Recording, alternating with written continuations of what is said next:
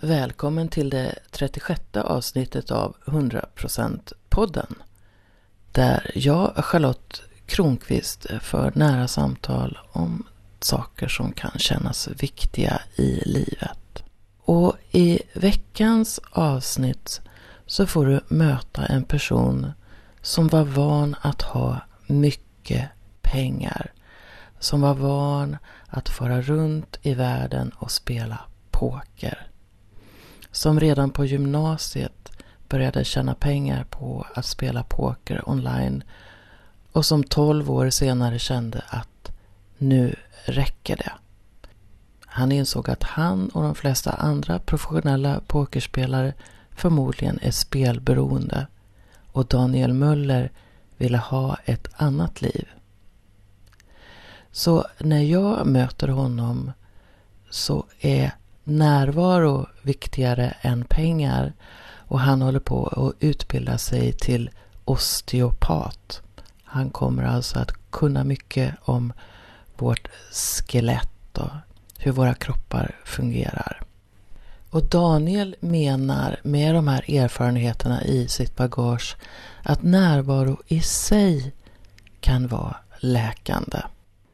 Möt en person som är van att både vinna och förlora hundratusentals kronor och fundera på vad det gör på synen på pengarna och livet.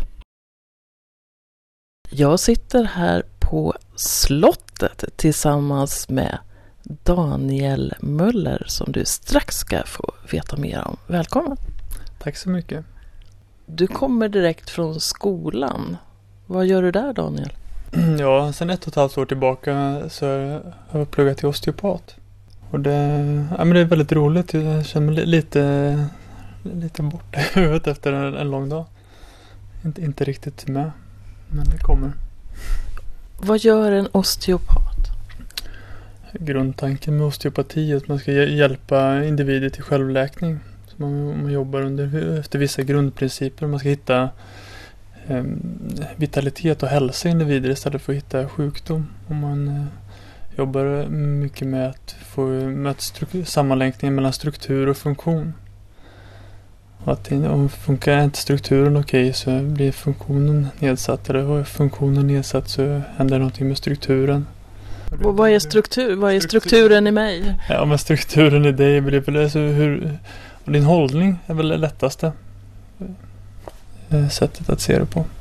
Det finns det massor med olika bit, eh, sätt att jobba med osteopati. Det är det som jag tycker är och en öppenhet för andra och många metoder. Och, men ja, henne med lärare brukar skoja om att, liksom att allting som funkar i osteopati. Säg några exempel. Eh, alltså, man, man jobbar ju med kranosakral terapi. Det, de, de bitarna kommer från osteopatin.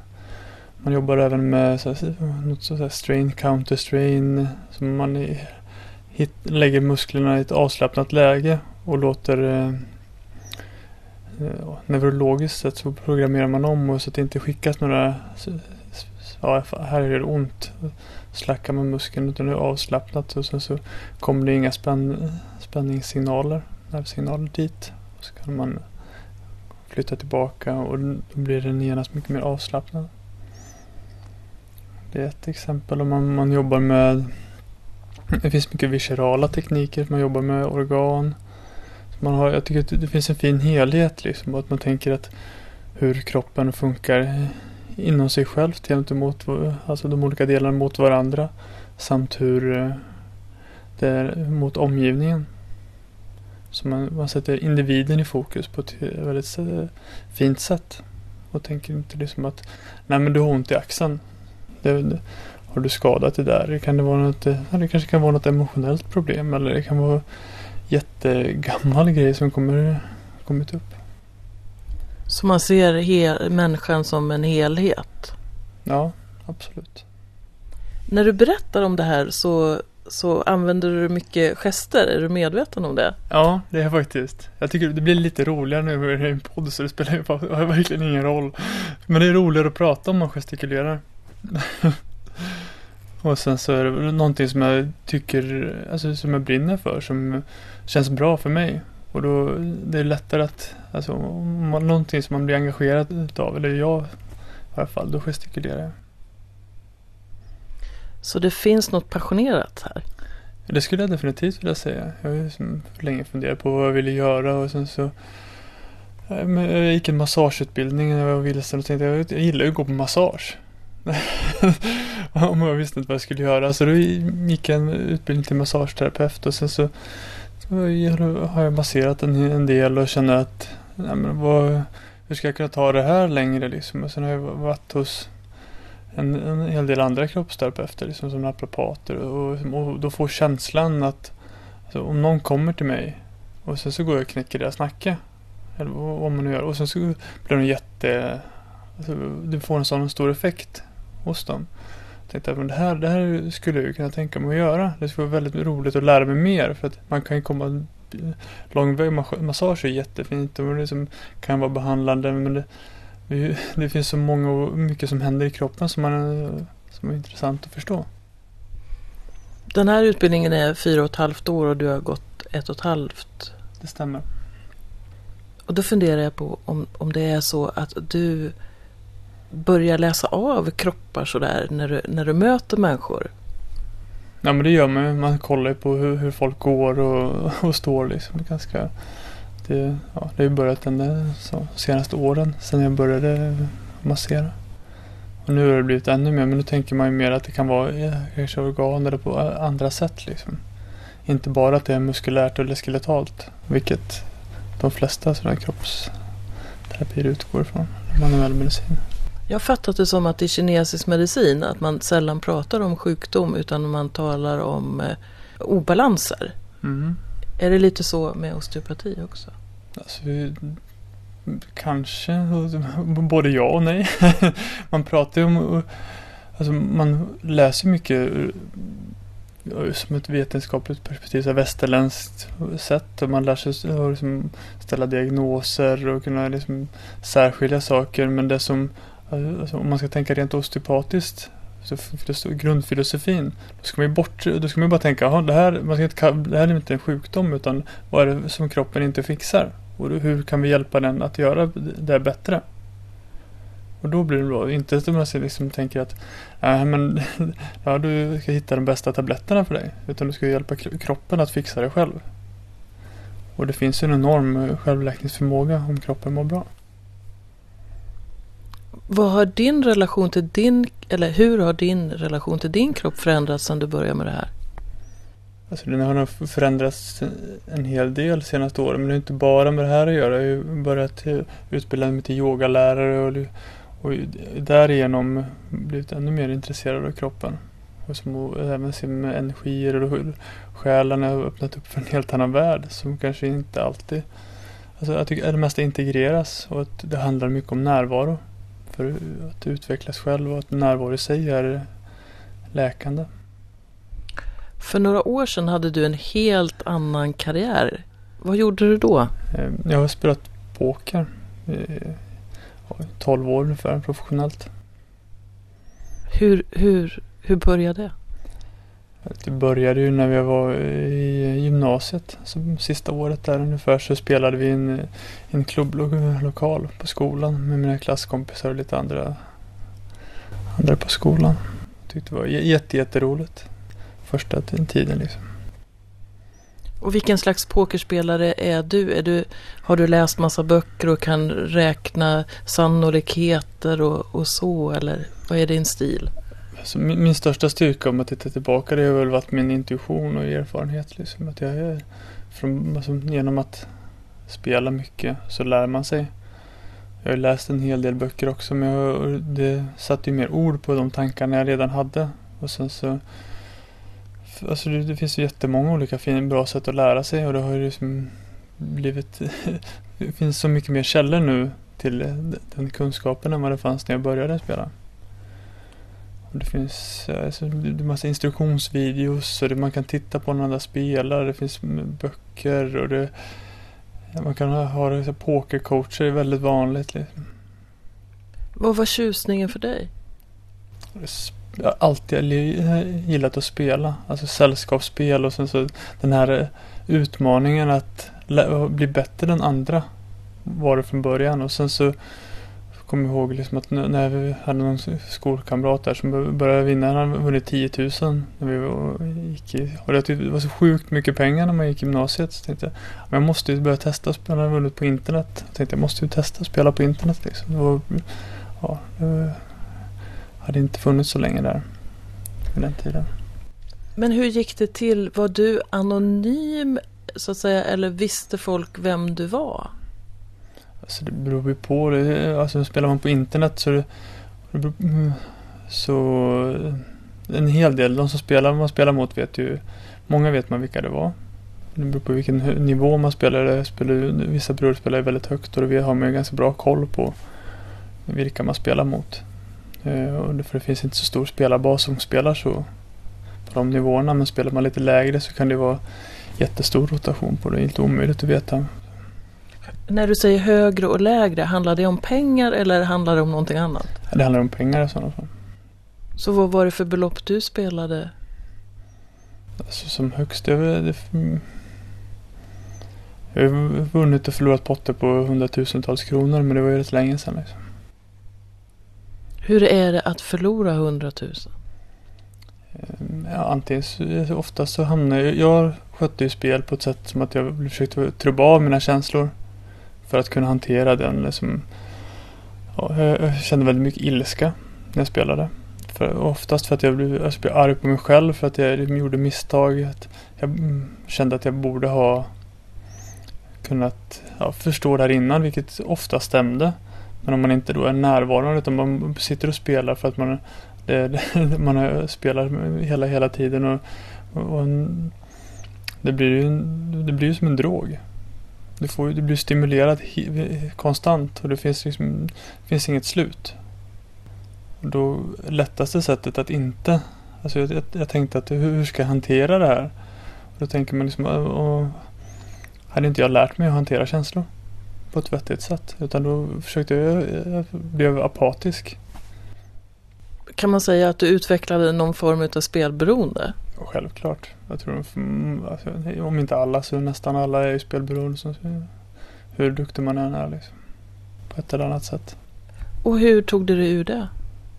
Mm, Alltså det handlar om att jag har varit intresserad av självutveckling. Och yogan har hjälpt mig mycket. Slutade du tvärt eller eh, hur gick det till? Jag slutade hyff... Alltså det var, det varit en, en lite längre process. Jag har velat sluta länge. Men inte vetat vad, precis vad jag skulle göra. Det var en segdragen process där jag vetat att jag kommer att sluta. Men, det- men det tog längre tid än vad jag trodde. Hände det någon gång att du var på plats och, och, och spelade poker eller var allting så att säga bara framför skärmen? Nej, jag har spelat ganska mycket runt om i världen på olika turneringar och så. Det har jag definitivt gjort. Men framförallt har jag spelat på internet. Det är det största. Det är mycket lättare att få in volym. Och det spel. Där. Det går så mycket fortare. Men jag har rest i stora delar av Europa och varit i Vegas ganska många gånger. Och andra delar av världen också. Vad fick du för relation till pengar då när du hanterade så mycket pengar? Min relation till pengar är ju ganska konstig fortfarande. Men jag börjar landa. Och pengar har inte varit värt så mycket. Jag inte riktigt, det är först på senare tid nu som jag börjat få ett riktigt jobb. Ehm, från efter att jag slutade gymnasiet. Så att jag, den aspekten kan ju jag känna ibland att jag saknar för det är kul. Att när pengar, man känner att jag kan spendera de här pengarna för jag kommer ändå tjäna nya. Eller de här pengarna har ingen betydelse. Ehm, men det... Så blir det ganska... Det blir en konstig, konstig värld. Så kommer och går pengar väldigt snabbt. Liksom. Känns lättvindigt. Man, det är någonting som man har kämpat med. Att känna att man har gjort sig förtjänt av att tjäna. För man, man tjänar ju inte pengar på något i längden om man inte är väldigt duktig. Så det var ett sätt att liksom tänka, det är ändå inte bara tur utan jag förtjänar det här på något sätt. Jag försökte men jag vet inte om jag kände, jag har aldrig känt att jag riktigt förtjänar det liksom. Eller så kände man, sen, eh, eller så kände man balansen att man, man inte behöver anstränga sig för att, för att tjäna och då, känner, då blir man inte man inte förtjänt heller liksom. Eller så tänker man att jag kommer alltid lyckas och vinna bra. Jag behöver inte anstränga mig. Det, det finns väldigt många konstiga grejer man kan komma in i. Jag är ju egenföretagare och då tänker jag ju direkt på hur, hur löste man sådana här med, med skatter och fick du ha eget företag eller var det en helt svart marknad eller hur funkar det? Ja, till en början så visste man inte riktigt hur det funkade. Jag har haft en del eh, eh, ja, Nej, men det var, det var okänt territorium. När jag började spela så var det ingen, nästan ingen som hade gjort det så länge. Liksom. Och det fanns inte så några större turneringar och inte så mycket pengar på det sättet i spel. De inspelen innan har ju varit svarta liksom. Och sen började det uppmärksammas. det kom in på TV och det finns liksom mycket, mycket mer pengar i spel på det sättet. Så att, um, men det funkar så att inom EU är det skattefritt. Utanför EU är det inkomst och kapital. Så det är 30% skatt. Och, men man behöver inte ha något företag. Och man kan inte göra avdrag. Vilket gör att liksom om man åker, alltså jag var ganska upprörd över det här förut. För att det gjorde att man jag mindre och mindre åkte utanför EU. För att om jag skulle vinna någonting där, Om jag skulle kunna åka omkring och spela överallt så, så gick ju inte runt. Alltså, det var väldigt få grejer som var värt att åka iväg på. Om du skulle betala skatt och aldrig kunna kvitta. Om jag åkte till tio ställen så var jag på ett ställe. Då gick jag ju back. Liksom. Det beror på om man inte vann extremt mycket men, men eh, det gjorde det väldigt svårt. Om jag skulle utmana dig på alfabet, vad, hur, hur, skulle du gå in i spelet då? Ett öppet sinne. ja, men jag tror jag har tappat om den där riktiga vinnarinstinkten och det känns bara bra för mig. Men var du förut sån att du skulle vinna vad du än spelade? Ja, det känner jag att jag har haft i mig. Haft, alltså, även om jag inte kanske agerat det, det men det har känts lite så jag gillar ju inte att förlora. Aldrig gillat. Så det var ju en ganska stor förändring som har skett i mitt liv. Att man kanske får se att man har bråkat med sitt ego och tycker att det är okej att inte alltid ha rätt. Liksom. Att man själv har den bästa strategin och det är väl en anledning till att jag slutade spela för jag såg inte jag slutade utvecklas. För att jag ville inte göra det. Jag, jag tappade kärleken till spel. Och då och, och, och, och bryta ett mönster som är så djupt rotat tar väldigt lång tid. Det är hur, hur och jag är, jag är väldigt tacksam att jag har kommit dit jag är idag. Jag tänker 12 år är ju ganska lång tid. Mm. Vilken nytta kan du ha av att ha levat det livet så pass länge idag när du har gjort nya val? Jag tar inte så allvarligt på livet. Ur ett perspektiv som att jag tycker inte det är hela världen. Alltså, min, min, mitt sätt att ta risker. Benägenhet är ju, jag kan se det på ett sundare sätt tycker jag än många andra. De är, många är rädda. Men liksom, vad är det värsta som kan hända? Alltså, det värsta som kan hända det är väl att du, du dör. Men vad är det värsta som kan hända det är att du inte kan ha levat. Så nu är det viktigare att leva? Absolut. Vad är det som får dig att gå upp på morgonen? Jag är sugen på livet. Jag tycker det är jätteroligt att vakna. Jag gillar morgnar. Jag gillar att äta frukost. Jag gör yoga i princip varje morgon. Um, och den rutinen tror jag får mig att vakna. Framförallt. Sen tycker jag... Jag vill ha mer av livet. Jag kände att jag börjat bli som... jag var ganska isolerad under en, period av de åren jag spelade. Jag liksom, kände att jag ville inte ha kontakt med någon utan man satt bara mycket framför datorn och förstod inte varför jag skulle lära känna nya människor. Och, alltså, det var väldigt destruktivt beteende. Ehm, och nu känner jag att jag har, jag har kontakt med många, träffar nya människor. Jag vill för att det är det bästa sättet att lära sig nya saker. Att träffa andra eller få upp intressen för någonting som man inte har en aning om. Det är kul att träffa människor. Ja, och du vågar både det ena och det andra nu för tiden. ja, absolut. Ja. ja, men jag tycker jag har testat på väldigt mycket saker. bara de här små, grejerna med att försöka komma in i samhället har jag, och jag har alltid varit glad över att stå utanför för jag tycker det verkar så konstigt. Liksom. Hur, hur saker, alla lever sina ekorrhjulsliv och, och jag tycker det är väldigt häftigt att det får gått från att vara jag har alltid haft glädjen inom mig på något sätt. Det är lätt att skratta men att få, få ut den mer och, och kunna känna att ja, men, och hålla, hålla lite yogaklasser liksom, och, och, möta det och kunna vara hålla det, det spacet och, och, och, lära ut och få se effekten av att utveckla sin närvaro hos andra är ju fantastisk.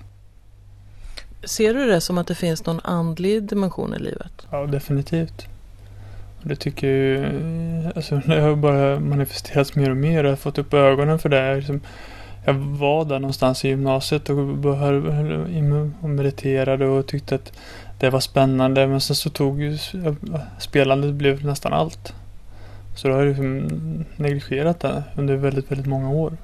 Man kan få det på så många olika sätt. Alltså man kan ju få det via hade liksom någon en liten intro till kranosakral grej eller liksom eller mer inkännande häromdagen och då tyckte jag att när man jobbar med närvaro och fint. Jag tycker vi börjar få en, det, det känns ju annorlunda space nu eh, när vi sitter och pratar från när jag, precis när jag kom in och nu har det lugnat. en. det, det märks i rummet och det märks även att när man ger den eller får sådana behandlingar hur, hur fint det kan vara eller när, när du går på yoga vad som kan hända då eller om du testar någon form av liksom, tantra, vilket också är liksom, utforskar närvaron. Alltså, jag tycker, om vi ska vara andliga grejerna så känner jag att jag började ju en yogalärarutbildning för några år sedan. En kundalini-yogalärarutbildning. Jag tänkte så, Eh, jag var jättesugen på att bli yogalärare för jag ville lära mig mer om kroppen. Jag gjorde en hel del yoga och, sen det, och sen så var det, det, det låg närmaste eh, yogalärarutbildningen var jag bor i Linköpingstrakten. Och då började den eh, där. Tänkte jag, jag måste göra det. Jag har aldrig gjort kundalini-yoga innan. Men det är ju det är en tantrisk gren och typ, man kommer dit och jag har liksom aldrig sjungit mantran innan och det finns fokus på meditation och andning på ett helt annat sätt och det blir mer dynamisk yoga. Det, jag tycker det är jätte, jättehäftigt från att ha kommit mot, från den här mer fysiska yogan och sen så och få öppna upp för chanting och vad, vad det kan erbjuda så är det ju väldigt utmanande. Ibland så känns det för mig som att jag blir lite ledd i livet eller att, som att jag överlämnar mig till livet. Och jag brukar lyssna på mitt hjärta och så mm. pekar det i någon riktning och så går jag åt, åt det hållet. Nästan som att det finns något mer än mig som, som, som är med. Vad vet jag inte men är det något som du kan relatera till? Nej men det tycker jag tror inte riktigt på slumpen men man får under livet så händer det. Man får möjligheten att göra många olika saker. Och sen kan man sträva efter det men och ibland eh, vissa gånger så tar man chansen. Eller så gör man inte det men det här, jag tycker att man ska uppmuntra att man ska våga. Alltså om någon säger att vi, vi ska åka ut och eh, hoppa fallskärm eh, nästa vecka om man inte har gjort det förut. Då tänker jag utmana dig själv, gör det. Testa det, det är säkert en fantastisk upplevelse. Liksom. Jag tänker också på den där kundalini-yoga utbildningen som du egentligen inte visste så mycket om. Men någonting får dig att mm. ändå göra den. Ja men det var ju mycket olika saker. Jag hade just jag var ju vilsen och ville komma ifrån den situationen. Jag spelade ganska mycket fortfarande och jag kände att det, var inte det var inte det jag ville göra. Jag hade ju tappat glädjen. Och det fick mig liksom Bland annat var det en, en kompis till mig som jag pratade med och hon som som av en händelse fick jag veta att hon skulle gå den. den utbildningen också. Och sen så pratade vi att det var lite mer andligt och så. Men du kanske inte är redo för det än. Det triggar mig liksom. Här, vad fan, det här kommer jag ju göra liksom. Det måste ju gå det här.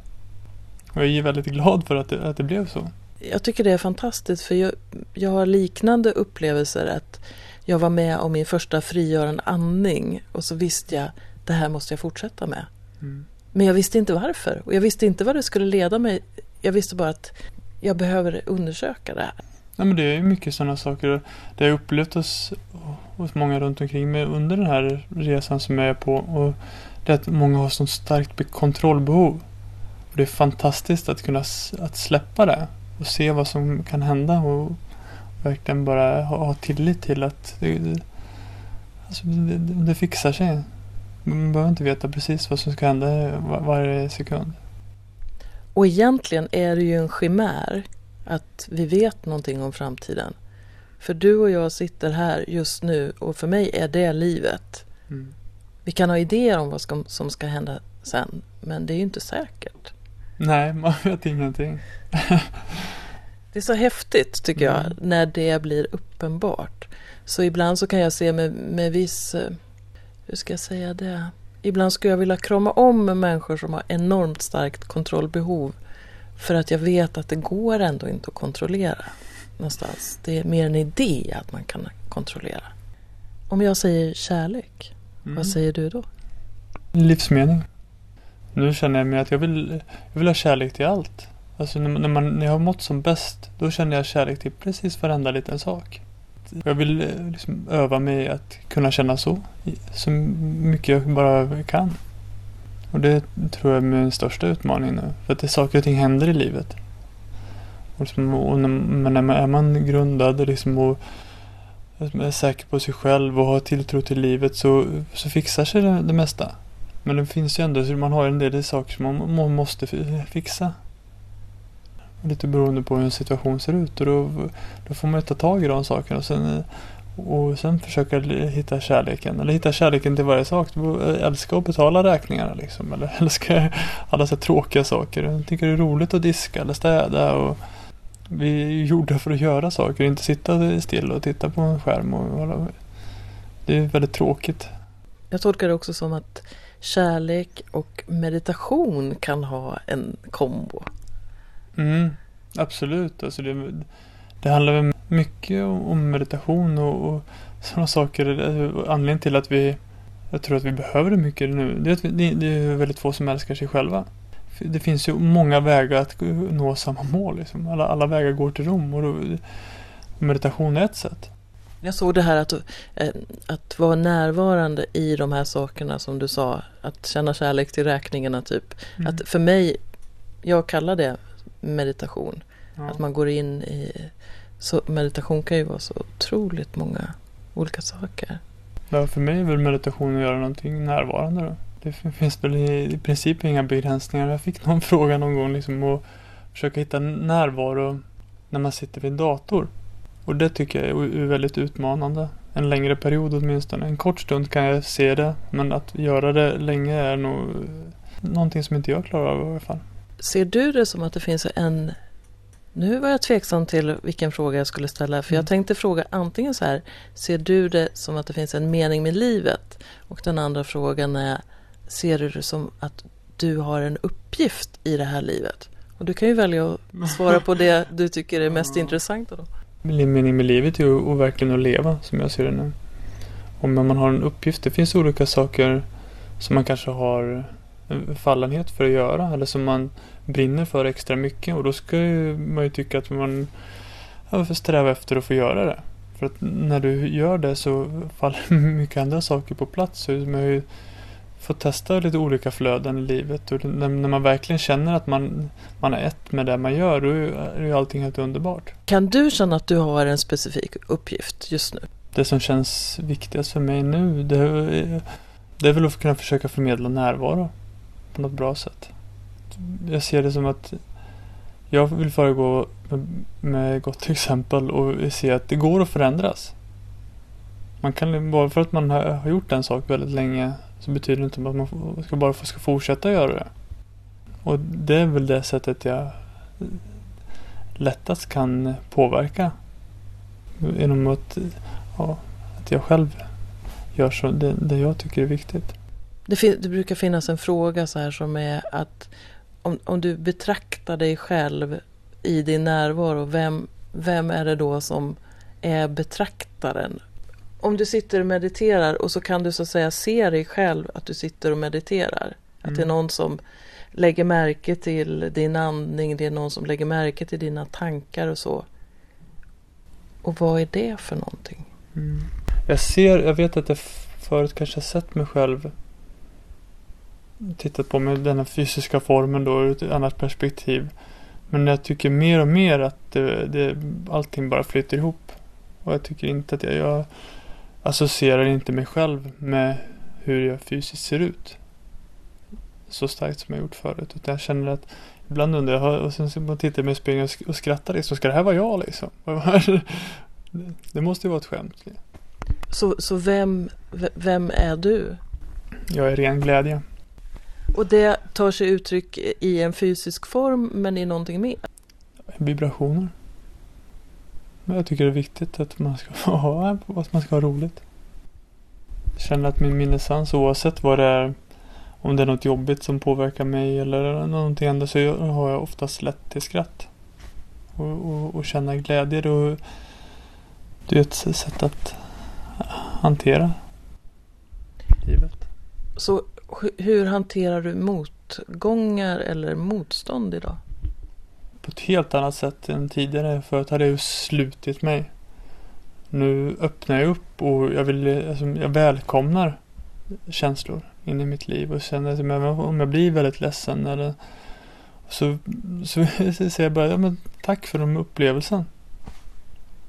Och det är så jag försöker att ha, det ska vara mitt förhållningssätt. Att man, oavsett vad det än är så låt det bara möta mig. Och jag, oftast nu har jag svårt att känna någonting som skulle rubba mig mer än väldigt temporärt. Det låter tryggt. Ja, det tycker jag. Jag känner att jag är en Många brukar beskriva mig som väldigt lugn och trygg och jag tycker det håller på att utvecklas. Ännu, ännu mer än vad det var tidigare. Om vi tänker oss att, att vi har en person som lyssnar som kanske har någon form av beroende av spel eller alkohol eller knark eller sex eller att handla eller vad det nu kan vara för mm. någonting. Och du som har haft det då. Vad skulle kunna vara något första steg bort från det?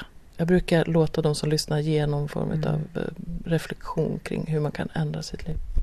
Alltså det som kom till mig nu det är att försöka sträva efter att vara mer i naturen. För att i naturen finns en, en närvaro. Så du går ut i skogen eller lyssnar på vattnet och, och vara där är ju det är ett väldigt bra tips. Det är ju oerhört svårt att, att testa och bryta eh, sådana starka beroenden.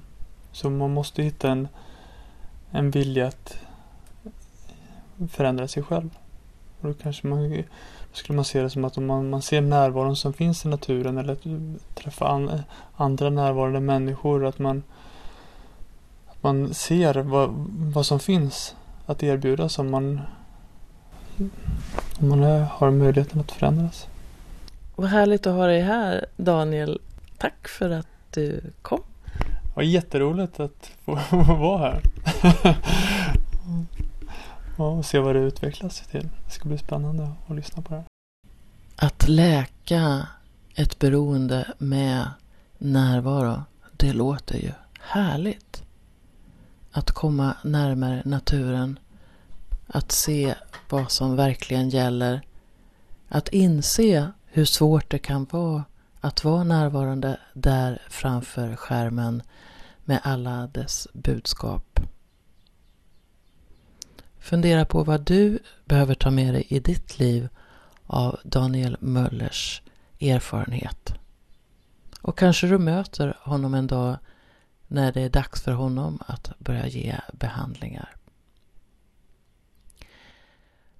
100% podden är mitt, Charlotte Kronqvists projekt som mitt hjärta klappar hårt för. Jag är jätteglad om du vill vara med och sprida podden till fler, berätta om den för fler och även tipsa mig om personer som du tycker är hundraprocentare och som du gärna skulle vilja lyssna till. Kom också ihåg att då och då gå in på min hemsida charlottekronqvist.org och se vad jag har på gång förutom att göra den här podden. Det finns till exempel spännande kurser, webbkurser för dig som vill våga vara dig själv fullt ut. Välkommen!